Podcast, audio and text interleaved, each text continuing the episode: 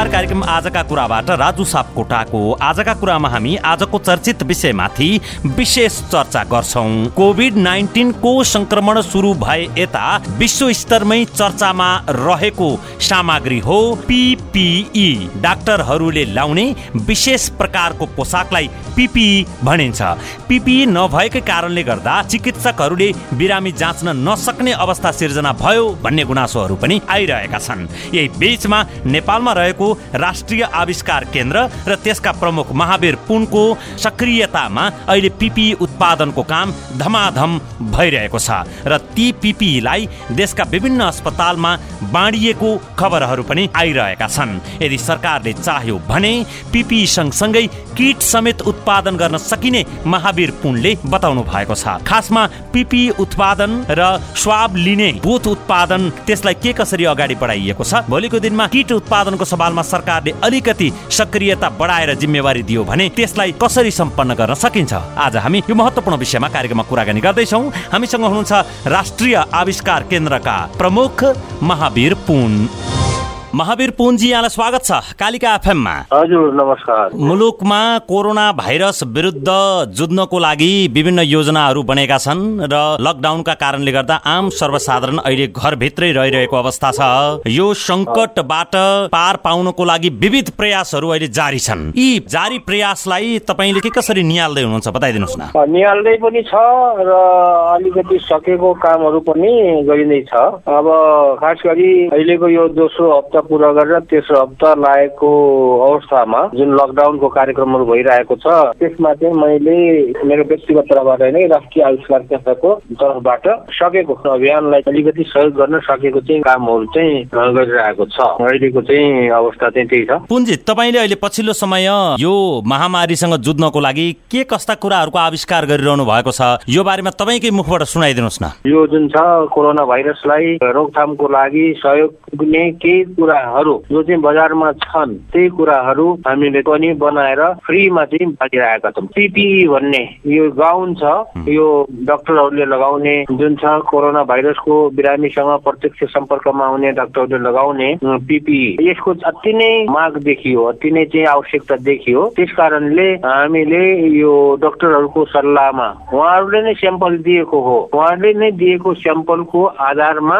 Garment कम्पनीहरूमा गएर PP बनाएर अहिले चाहिँ सक्दो वितरण गरिरहेको छ र अहिलेसम्म हामीले अडचालिसवटा जिल्लाको झन्डै एक सौ पैँतालिसवटा अस्पतालहरू सातरी प्रदेशको बाइस सय भन्दा बढी पिपीहरू बाँडिएको छ र यो एम्बुलेन्सको ड्राइभरहरूलाई झन्डै अब त आज त दुई सय जति पुग्यो दुई सयवटा जति एम्बुलेन्सका ड्राइभरहरूलाई यो पिपी बाँड्ने काम भइरहेको छ र सुरक्षा कर्मीहरूलाई पनि बाँड्ने काम भइरहेको छ। सबभन्दा ठुलो काम चाहिँ त्यो भइरहेको छ। पिपीको सवालमा पिपी नभएको कारणले गर्दाखेरि अस्पतालहरूमा साह्रै धेरै समस्या पर्यो भन्ने कुराहरू पनि आए। केही पिपी तपाईँले पनि उपलब्ध गराउनु भयो केही चाहिँ विदेशबाट ल्याउने पनि तयारी भइरहेको छ। हाम्रै देशभित्र तपाईँ अलि धेरै सक्रिय भएर अझ धेरै पिपीहरू उत्पादन हुने सम्भावना के कति छन्? यो बारेमा भनिदिनुहोस् न। होइन त्यो उत्पादन हुने त सकिन्थ्यो होला। त्यो बेलैमा चाहिँ यो कार्यक्रमहरू यस्तो गर्नुपर्छ भन्ने दिमागमा आइडिया आएको भए दिमागमा पसेको भए त्यो गर्न सकिन्थ्यो होला। व्यापारीहरूले पनि यस्तो समस्या आउँदैछ यो चाहिन्छ भनेर थाहा भए व्यापारीहरूले पनि बेच्नमा राख्थे होला। अब यो चाहिँ त मलाई पनि थाहा भएन सरकारले पनि यस कुरामा ध्यान दिएन थिए होला नि सरकारमा अथवा यसको विज्ञहरू थिए होला नि यस्तो त चाहिन्थ्यो भनेर तर कसैले पनि यो कुरामा ध्यान दिएन। अचानक यो चाहिँ लकडाउन सुरु भएको भोलिदेखि मात्रै यसको चाहिँ महत्व बुझियो सबैले। मैले पनि बुझेको त्यही हो। मैले पनि पिपीको महत्व बुझेको लकडाउन भएको भोलिपल्ट मात्रै थाहा पाएँ यसको महत्व यति रहेछ भनेर। अनि त्यस कारण ढिलो त भयो तर सकेको जति जे सकिन्छ गर्ने भनेर चाहिँ यो पिपिए उत्पादन गर्न सुरु गरेको हो। अब सरकारले ल्याउने पिपिए चाहिँ अब विभिन्न प्रक्रियाहरू पुर्याएर ल्याउँदाखेरि अब कहिले आउने हो? यो कोरोना भाइरसको अन्त्य भइसकेपछि आउने हो कि के हो थाहा छैन। र भित्रभित्र चाहिँ अब विभिन्न व्यापारीहरूले विभिन्न तरिकाले कुनै न कुनै तरिकाले ल्याएर चाहिँ बेचिरहेको छन् भनेर पनि सुनिएको छ। यो बनाउँदै गर्दाखेरि गुणस्तरीयताको पाटोलाई के कसरी हेर्नु भएको छ? विश्व स्वास्थ्य संगठनको मापदण्डमा पनि टेकेर तपाईँहरूले बनाउनु पर्ने होला होइन? यो सुरक्षाको दृष्टिले हेर्दा अत्यन्त संवेदनशील हुन्छ। हुन्छ पिपी। यो पाटो कसरी हेर्नु भएको छ यहाँले? प्रश्न भनिदिनुहोस् न। अब यो पाटो कसरी हेरिएको छ भने अहिलेको अवस्था भनेको यो लडाइँको अवस्था हो। यो अहिलेको अवस्था भनेको बाढी आएर बगाउँदै गरेको अवस्था हो। बाढी आएर बगाउँदै गरेको अवस्थामा जे जसरी हुन्छ जे चिजमा चाहिँ टेकेर समाएर बाढीबाट पार लगाउन सकिन्छ त्यो गर्ने कुरा हो। र कुनै मापदण्ड डब्लुएचओको होस् चाहे जसुकै सरकारको होस् मापदण्ड हेरिरहने कुरा होइन। अहिलेको स्थितिमा यो पिपिए भनेको चाहिँ ओढ्ने एउटा चाहिँ रेनकोट हो यो चाहिँ। एक किसिम भन्यो भने पानीमा चाहिँ रेनकोट ओढिन्छ रेनकोट ओढिए जस्तै यो भाइरसलाई चाहिँ डाइरेक्ट छालामा नपसोस् छालामा नछुइयोस् भनेर त्यो ओढ्ने चाहिँ एउटा रेनकोट हो। अथवा यो भाइरस कोड हो यो यसलाई यसरी भने हुन्छ। र यो जुन कोड छ यसमा चाहिँ त्यस्तो साह्रै मापदण्ड नै पुरा गर्नुपर्ने भन्ने कुरा केही छैन। यसमा के हुनुपर्छ भने त्यो चाहिँ वाटर प्रुफ र एयर प्रुफ हुनु पर्यो दोस्रो कुरा त्यो सिलाएको ठाउँमा चाहिँ सिल हुनु पर्यो र डब्लुएचले हेर्ने मापदण्ड पनि त्यही हो। र अहिले हामीले बनाएको पनि त्यो कुरालाई सकेसम्म ध्यानमा राखेर चाहिँ पिपी बनाइएको छ र सकेको वितरण गरिएको छ र यो हामीले अन्धाधुन्दामा चाहिँ वितरण गरेको पनि होइन। पहिला कुरा त यो पिपिएको स्याम्पलहरू डक्टरहरूले नै टिचिङ अस्पताल यो धरान अस्पतालको डक्टरले स्याम्पल नै पठाइदिए त्यही स्याम्पल हेरेर बनाएर हामीले विभिन्न अस्पतालको डक्टरहरूलाई देखायौँ डक्टर भगवान कोइरालाई पनि देखायौँ र देखाएर उहाँहरूले के भन्नुभयो भने इमर्जेन्सीको अवस्थामा यति भए पनि धेरै सहयोग गर्छ। नहुनु पर्छ यो चाहिँ धेरै राम्रो चिज छ र यसको क्वालिटी पनि राम्रो छ भनेर उहाँहरूले भनेको पछि मात्रै हामीले यसलाई चाहिँ अगाडि बढाएका हौ। हामीले छिमेकी मुलुक भारतको उदाहरण हेरेका थियौँ अस्ति भर्खरै। एकजना महिला वैज्ञानिकले यो कोभिड नाइन्टिन टेस्ट गर्ने किट उत्पादन गर्नुभएको रहेछ उहाँले नै निर्माण गर्नुभएको रहेछ।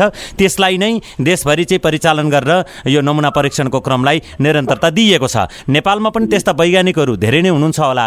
वैज्ञानिकहरूको यो सङ्कटको बेला परिचालन उचित तवरले हुन सकेन नि? किन होला महावीरजी? अब त्यही हो मेन कुरो यो परि जहाँसम्म यो कोभिडको परीक्षण गर्ने किटको बनाउने जुन सवाल छ त्यसमा चाहिँ कुरा चाहिँ के निस्किएको थियो भने त्रिभुवन विश्वविद्यालय र काठमाडौँ विश्वविद्यालयको बायोटेक्नोलोजीको चाहिँ ल्याबमा चाहिँ यस्तो किसिमको मेसिनहरू छन् तर त्यसको लागि चाहिने रिएजेन्टहरू त्यो केमिकलहरू छैनन् भन्ने कुरा चाहिँ निस्किएको थियो। मैले चाहिँ राष्ट्रिय आयुष केन्द्रको तर्फबाट यस्तो किसिमको केमिकलहरू किन्न केही सहयोग गर्न सकिन्छ भने हामीलाई भन्नुहोस्। हामीले चाहिँ आर्थिक सहयोग गर्नु सक्छ भन्न भनेको हो र त्यो काम चाहिँ अगाडि बढ्न सकेको छैन। तर स्वास्थ्य सेवा विभाग र स्वास्थ्य अनुसन्धान केन्द्र र हाम्रो विज्ञहरू मिलेर त्यसको बारेमा छलफलहरू गरेको सम्म चाहिँ मैले थाहा पाएको छु तर के काम अगाडि बढेको छ त्यो मैले थाहा पाएको छैन। मैले किटको सवालमा पनि हाम्रो देशमा उत्पादनै गर्न नसक्ने बनाउनै नसक्ने अवस्था चाहिँ होइन। बनाउन सकिन्छ।